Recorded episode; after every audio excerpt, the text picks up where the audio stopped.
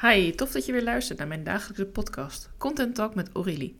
Vandaag wil ik het graag met je hebben over aanspreekvormen en hoe je eigenlijk meer verbinding kunt maken met je klanten of met je toekomstige klanten door de manier hoe je ze aanspreekt. Uh, dat kan natuurlijk zijn dat je vaak je gebruikt of juist u. Of uh, dat je voor je doelgroep juist heel gericht gaat naar een bepaalde doelgroep, waarbij je ook bepaald taalgebruik gebruik, uh, toepast.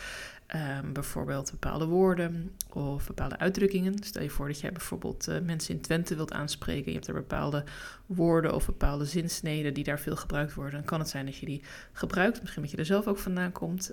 Andersom kun je ook zeggen, nou ik maak mijn content voor een internationale groep. Dus ik spreek veel Engels. En gebruik je Amerikaans Engels of Brits Engels. Of eigenlijk gewoon je eigen Dunglish, zoals we wel eens uh, onerbiedig zeggen. Als iemand niet zo verschrikkelijk goed uh, Engelse uitspraak heeft. Maar hoe spreek je je klant aan? En dan gaf ik net het voorbeeld van Engels. En vind ik altijd een beetje gemeen, want in Engels is het gewoon you. En dat kan je of jij of u zijn, of uh, jullie als geheel.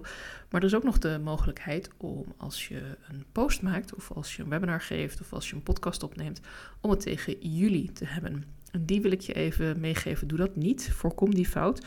Want er is maar één persoon die aan het luisteren is. Ook al is die ene persoon samen met 15 vriendinnen of uh, 16 andere ondernemers, ieder in hun eigen telefoon aan het luisteren of via een eigen appje of wat dan ook. Er is maar één persoon die op dat moment naar jou luistert.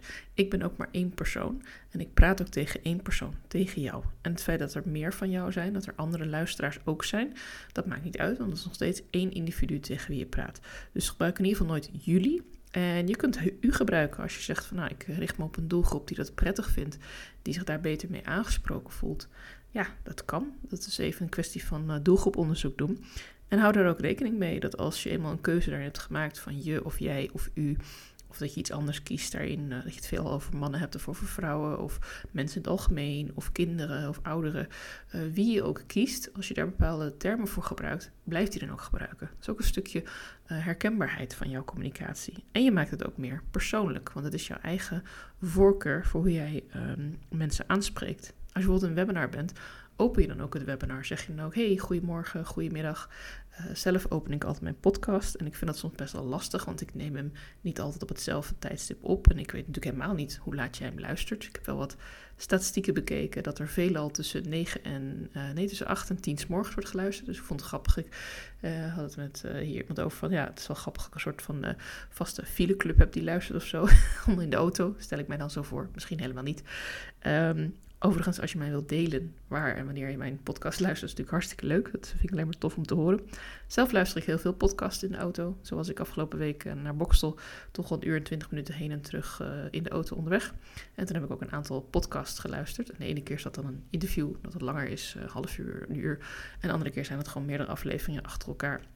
Ik probeer natuurlijk niet veel te switchen, want ik ben aan het autorijden. Maar het is wel fijn om, uh, om lekker gewoon te luisteren naar iemand. En daarom is soms ook zo'n interview wel fijn. Want dan, ja, ik zit toch maar een beetje in, die auto, een beetje dezelfde weg uh, die ik al een paar keer heb gereden, te rijden. Dus het enige wat ik doen, een beetje opletten in het verkeer. Maar verder kan ik ook ja, heel goed leren en onderweg luisteren. En dan vind ik het ook heel erg fijn als degene naar wie ik luister het heeft over onderwerpen die mij aanspreken.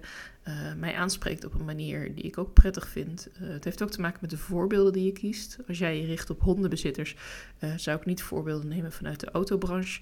Omgekeerd, als jij je richt op iemand vanuit de autobranche, zou ik het weer niet hebben over kinderen of over dieren. Of hè, probeer ook met de voorbeelden die je toepast wel te kijken van hé, hey, wie luistert er naar mijn podcast? Of uh, wie kijkt naar mijn video? Of wie uh, leest mijn boek of mijn posts?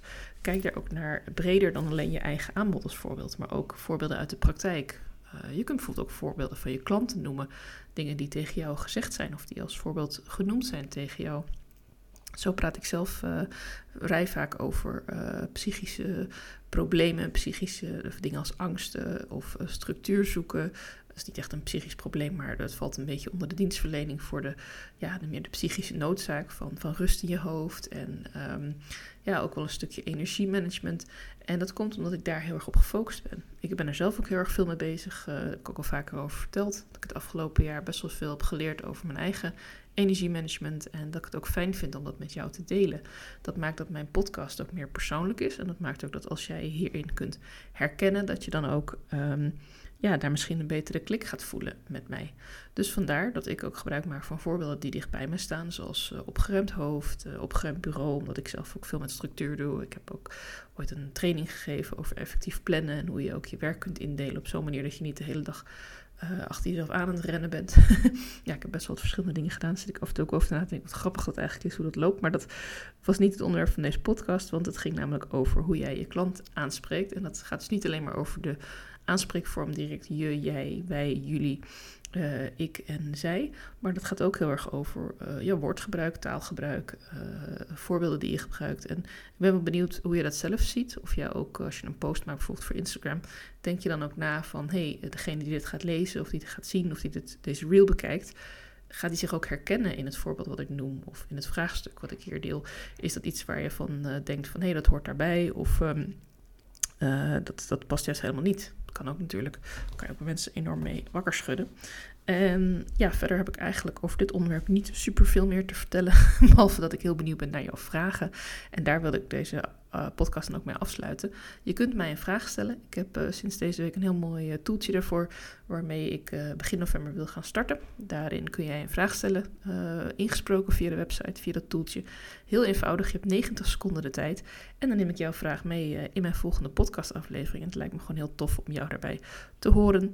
En daar kijk ik dan ook naar uit. Dus spreek lekker in. Je vindt de details in de show notes. En dan spreek ik jou graag bij mijn volgende podcastaflevering. En dankjewel voor het luisteren weer.